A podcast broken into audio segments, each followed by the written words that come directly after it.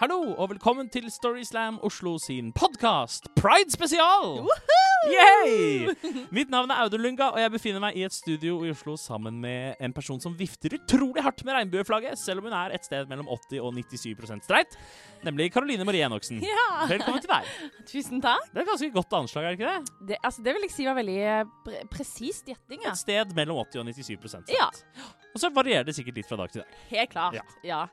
Eh, men god pride-uke, Audun. Like måte, Karoline. Ja, for fantastisk å ha en hel uke dedikert til kjærligheten. Mm. Ja, Og da har jo vi gleden av å også ha en podkastepisode dedikert til kjærlighet. Definitivt. Historiene vi skal høre i denne podkasten, de kommer fra et liveshow som vi hadde i forrige uke. Mm. Torsdag 13. juni.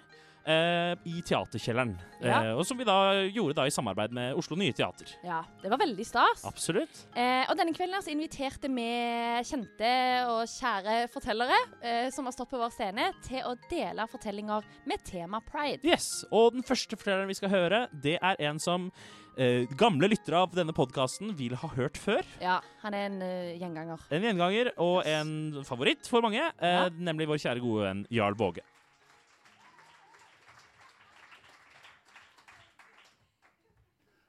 Året var 1984. Jeg dreiv og laga mat mens jeg hørte på Sånn er livet på radioen. En reporter var i San Francisco for å rapportere hjem om hiv-epidemien som hadde ramma byen på så dramatisk vis. Plutselig var det som om jeg fikk et knyttneveslag i mellomgulvet. Jeg måtte sette meg mens jeg gispa etter luft. Den amerikanske ekskjæresten min, som flytta tilbake til USA og døde like etterpå, hadde hatt mange av symptomer som ble beskrevne i programmet. Med et brak gikk det opp for meg at han måtte ha dødd av aids. Og da var jo sjansen for at jeg òg var smitta, absolutt til stede. Det var som om dødsengelen plutselig sto og banka på kjøkkenvinduet mitt. Jeg utsatte gang på gang å teste meg. Til slutt måtte jeg bare gjøre det. Å gå og vente på resultatet av prøvene ble ei berg-og-dal-bane av håp, tvil og lammende angst. Den mest ensomme veka i livet mitt. Jeg hadde bestemt meg for at om jeg var hiv-positiv, så var det en hemmelighet jeg skulle ta med meg i grava. Om jeg fortalte det til noen når det kom ut, ville det være som å få et svimerke i panna. Jeg ville bli en av de nye spedalske. På vei til legen for å få resultatet. Var det som om livet som jeg elska, hadde mista alt sitt perspektiv. Døden sto rett der framme som en vegg og skjulte all utsikt. Negativ, sa legen. Jeg forsto ikke ordet. Men gradvis gikk det opp for meg at jeg likevel hadde et liv som skulle leves. Denne her hendelsen og det at jeg hadde skaffa meg solid kunnskap om hiv-aids, gjorde at jeg noen år seinere våga å søke på stillinger som daglig leder i Pluss, hiv-positiv sin organisasjon i Norge. Jeg fikk jobben. Dermed starta den mest krevende og lærerike periode i mitt liv. Pluss hadde hovedsete i Oslo, med et kontor ut mot gata. Innafor lå det ei hyggelig miljøavdeling. Den hadde hemmelig adresse. Inngang fra bakgården. Medlemmer måtte kjenne månedens passord for å slippe inn. Det var Nesten som et hemmelig bror- og søsterskap der inne. Et konglomerat av mennesker som brukte stedet. Og det eneste som egentlig bandt dem sammen, var et lite virus. Ballettdanseren. Han som hadde begeistra store publikum med sin eminente teknikk. Innvandrerkvinna som hadde flykta fra et afrikansk land med de fire barna sine da mannen ble halshogd av opprørssoldater. Presten som hver søndag etter kirketid tok toget inn til Oslo for å komme til oss, der han ei stakkars stund kunne kaste maska og legge av seg åket han ellers bar på dag og natt. Alle tre døde av aids. Det her var før det var kommet medisiner. Så folk døde i hopetall. I løpet av de to åra jeg jobba der, døde mellom 60 og 70 mennesker som jeg kjente av ei dødsårsak så skambelagt at mange gjorde hva de kunne for å skjule det. Jeg glemmer aldri kvinna som fortalte meg at hun hele livet hadde spart seg til den eneste rette. Hun møtte han på ei reise. Han kom til Norge. De gifta seg. Etter hvert fikk han diverse infeksjoner i kroppen og testa seg. Han var hiv-positiv. Hun òg. Da han døde, sa hun til familien at det var hjerneblødning. De kan ikke få vite sanninga, sa hun. Gjør de det, vil de hate han alltid. Og det takler jeg ikke. Men, føyde hun til, det er forferdelig at vi ikke engang får lov å dø av det vi dør av.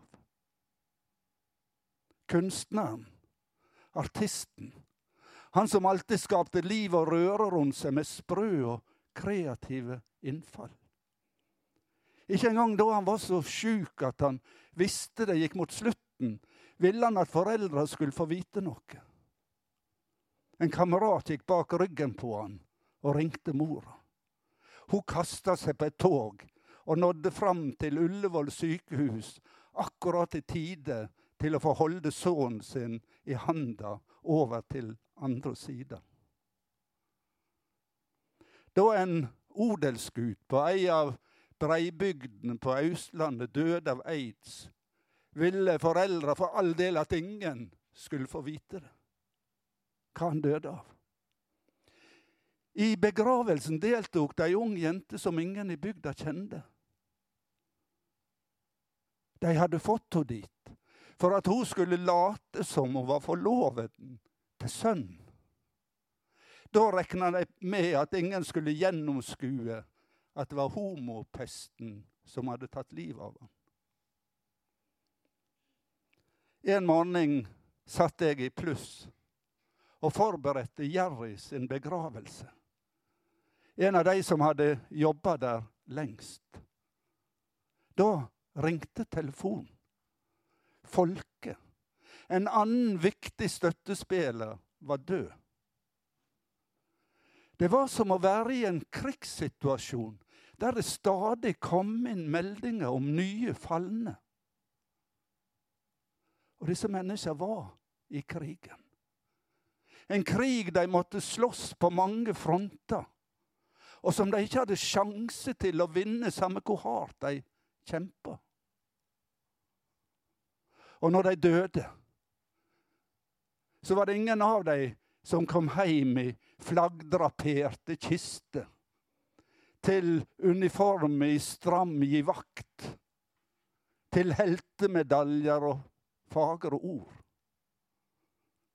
Det er ikke noe minnesmerke etter dem der vi kan legge ned blomster på høgtidsdager.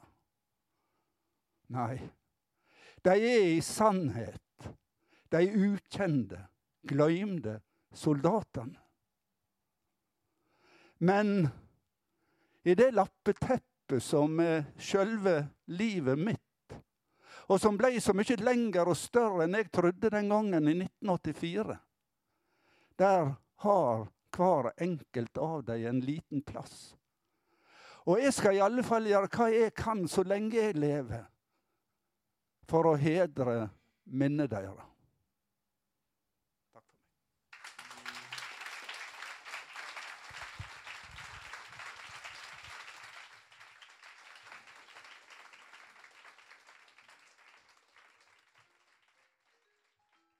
Tusen takk til Jarl som delte denne viktige fortellingen.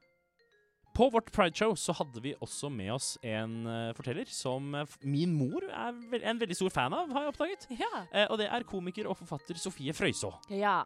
Og Sofie hun er vokst opp på Sørlandet med to mammaer.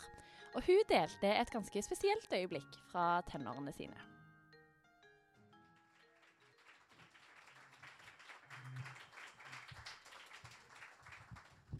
Em, jeg vil bare starte med å si at jeg leste i dag at de mest brukte skjellsordene fremdeles er homo og hore. Og da ble jeg sånn Altså, De beste folka jeg kjenner, er jo enten homo og eller litt horete. So what's not to love? jeg tenker at Der må vi bli mer kreative og avskaffe det som skjellsord, for det er ikke et skjellsord, det er et kompliment.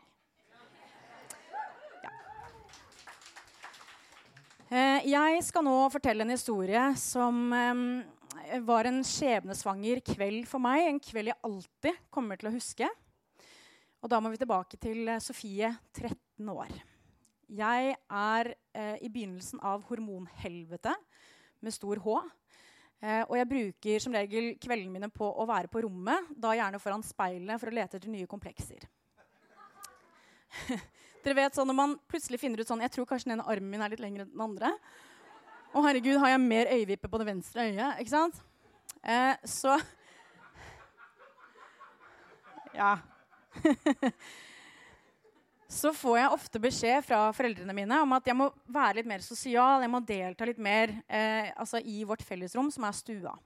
Eh, og denne kvelden eh, så bestemmer jeg meg for at ok, jeg skal joine. Jeg skal være med nå eh, på det sosiale samspillet. Og det er jo det vi gjør i Norge eh, når vi er sosiale. Det er å se på TV.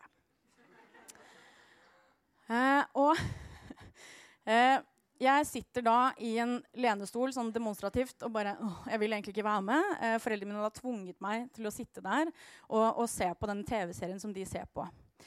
Eh, og jeg følger med liksom, med et halvt øye og syns det er dritkjedelig. fordi jeg vet at når mamma sier at hun ser på en veldig spennende eh, TV-serie, så vet jeg at det er bullshit. Eh, hun har bl.a. sagt sånn Vi ser på en krim. Det er kjempespennende. Det er parå Og det er sånn, det er ikke spennende, mamma. Det er det ikke.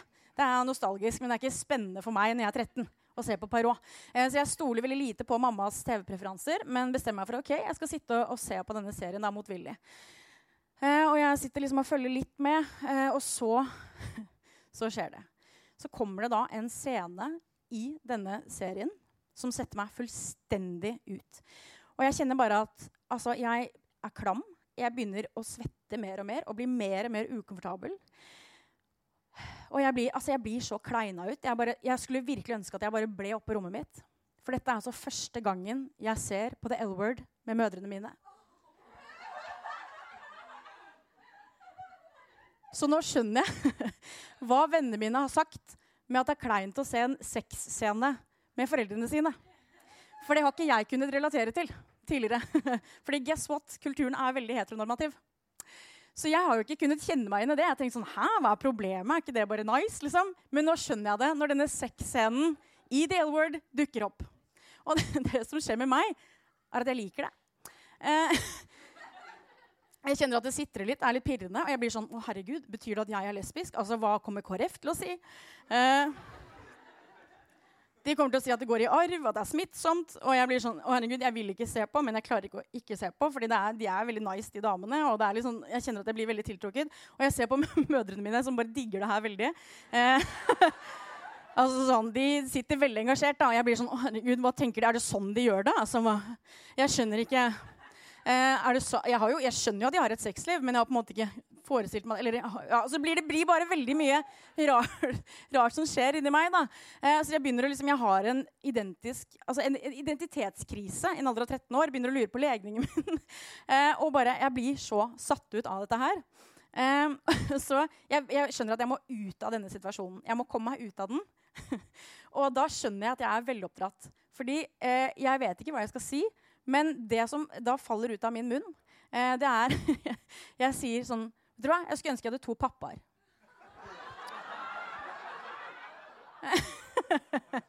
Så jeg går ikke liksom, til den hetero-versjonen og sier sånn, jeg skulle ønske jeg hadde en mor og en far. fordi det er faktisk normalt. eller sånn. Eh, jeg, jeg, sier jeg skulle ønske jeg hadde to pappaer. Eh, for det er den eneste måten jeg kan klare å liksom, fornærme dem på. da. Eh, for så, jeg, så sier jeg sånn Ja, men fordi eh, For det første så liker jeg Grand Prix. Eh, jeg liker glitter. Eh, og jeg liker faktisk å høre på Britney og Céline Dion. Og dere hører bare på sånn Tori Amos og Anne Grete Preus. Uh, og jeg har faktisk ikke, jeg har ikke lyst til å arve de bergansklærne deres, faktisk. Uh, men det skal sies da, de er ikke sånne turlesber. Altså, vi har gått veldig lite på tur. faktisk. Det er veldig lite bergans. Men det var liksom min måte å, å være kjip på. da. Um, så jeg skjønner jo at jeg er veloppdratt når det er comebacket mitt. Uh, og jeg jeg har lyst til For jeg er her som et litt sånn comic relief. Så jeg har lyst til å bare jeg har lyst til å avslutte med å si at jeg har faktisk sett alle sesonger av L-Word. og jeg begynner å lure litt på om jeg Jeg vet ikke. Jeg, kanskje jeg er litt tilbøyelig. Jeg er det. Eh, så da har de i hvert fall gjort noe riktig. Uh, så jeg, jeg, sier tusen takk for meg. Veldig hyggelig å være her og for at jeg fikk dele min historie. takk.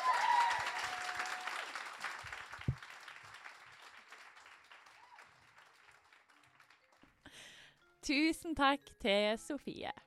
Og nå, helt til slutt, så har vi en tredje fortelling. Ja! For, og Vanligvis så pleier vi bare å ha to fortellinger per podkast, men siden mm. vi lager en Pride-spesial, så tenkte vi at vi kunne ha eh, tre. Smelle på med tre. En, rett og slett en ekstra lang Pride-episode. Ja! Eh, og det burde vi jo kanskje sagt noe om helt i starten av denne podkasten. Og ja. si velkommen til vår ekstra lange Pride-episode. det kunne man sagt. Det men, burde vi ha sagt, men det glemte vi. Vi glemte det, ja. Men her kommer den likevel. Da sier vi det nå. Ja. Det, dette er en ekstra lang podkast, og her kommer den tredje historien. Ja, Og den historien her den gjorde et fantastisk sterkt inntrykk på meg, Audun. Mm, det var en gripende fortelling. Ja. Her kommer historien til Joakim Viktel Valentin.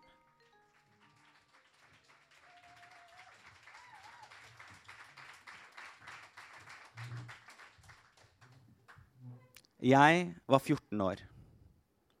Jeg sto på en parkeringsplass i Oslo.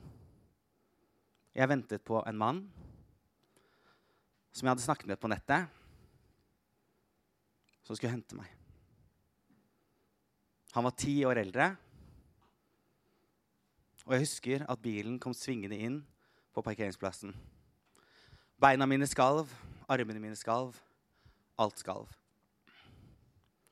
Vi hadde avtalt at vi skulle ha sex. Da han rullet ned vinduet, så bestemte jeg meg for at dette ble helt feil. Jeg kan ikke gjøre det.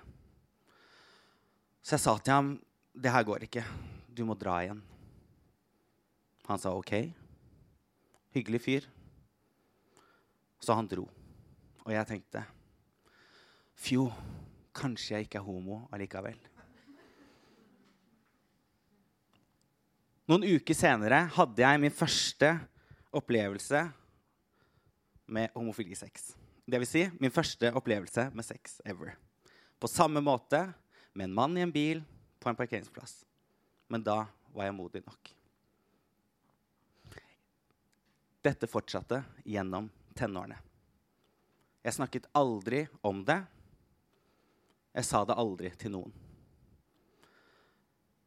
Jeg ble ofte spurt er du homo. Og grunnen til det er for at jeg legger på en måte ikke skjul på hvem jeg er ofte. Jeg har f.eks. strikket denne genseren helt selv. Eh, ja, takk. og tenkte den var fin til meg. Så jeg ble ofte spurt er du homo, og jeg sa nei hver gang. Jeg begynte til og med å tulle med det, og jeg introduserte meg som Hei, jeg heter Joakim Vigtel Valentin, og jeg er ikke homo. Bare ta det. Vi tok det først. Først som sist. Tenkte ikke si det. Um, og dette varte og rakk. Jeg benektet det fullt Jeg hadde sex med menn, men jeg var ikke homo. Jeg sa til noen første gang at jeg var homofil da jeg var 26 år. Til en venninne. Det er første gang jeg sa det til noen. Og på lang tid så var det siste gang jeg sa det til noen. Jeg hadde ikke sagt det til foreldrene mine, og det var veldig rart for meg, for jeg har en homofil bror, og jeg visste at de syntes det var helt greit. Så jeg skjønte ikke hva som var galt. Og jeg kunne ikke si det til Gud og hvermann, for hver eneste gang jeg sa 'ja, jeg er homo', så følte jeg at det stakk i hjertet, og at jeg løy til foreldrene mine. For vi er veldig close. Så hvorfor var det så vanskelig å si det? Julaften 1987 så ble jeg født. Jeg er født med et halvt hjerte. Da jeg ble født, så var det bare 30% sjanse for at jeg skulle overleve. Du må ha to hjerteoperasjoner før du blir en måned gammel. Tre måneder gammel. Unnskyld. En måned og tre måneder. Og du må ha en stor hjerteoperasjon til før du blir tenåring. Og så må du ha alle andre operasjoner som betyr å, du har en tennisball med streptokokker i hjernen. Vi skal bare tvers gjennom hjernen din og suge dem ut. Fordi hjertet ditt har ikke klart å skille det ut. Så det vil si at jeg brukte mye tid på sykehus. Foreldrene mine var veldig bekymret mye av tiden. Vi var mye sammen, jeg, min bror, mamma og pappa, på sykehus. Jeg fikk med meg hele OL 94, for jeg lå på sykehus. Veldig praktisk. Da kom også Nintendo.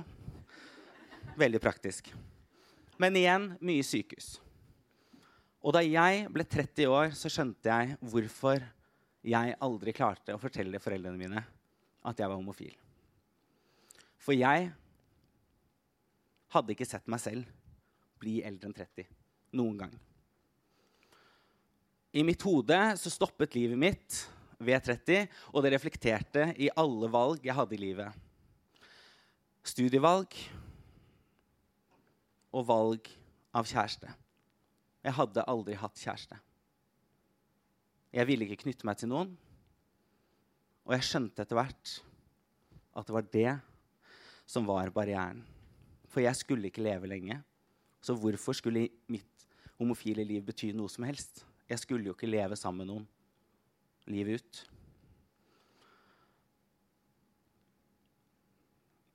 Jeg prøvde å si det hver eneste søndag middag i fire år. Og hver gang jeg tok heisen ned, så tenkte jeg Ja, altså ned fra middagen igjen. Ja, det kunne vært ned til middag. Vi kunne bodd i en kjeller. Ja. Eh, sorry, bare. Men de bor faktisk i femte etasje. Eh, så hver gang jeg tok heisen ned fra middag, så tenkte jeg ja, ja, da får jeg fremdeles ikke snakke om det. Og jeg kunne ikke si det til noen andre, for jeg følte at jeg løy til alle. Så i oktober 2018 så skrev jeg et firesider langt brev som jeg startet til mamma og pappa. Dette er ikke verdens lengste selvmordsbrev. Les gjennom det og ring meg. Og forklarte hele situasjonen.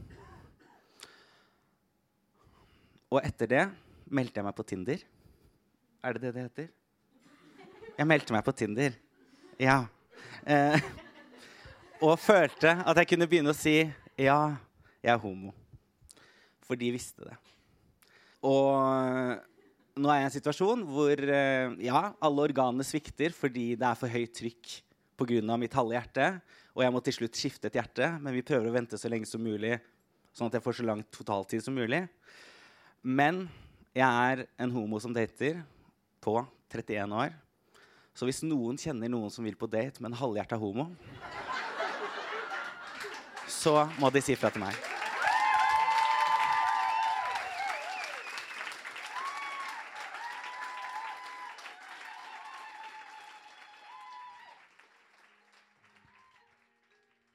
Tusen takk til Joakim.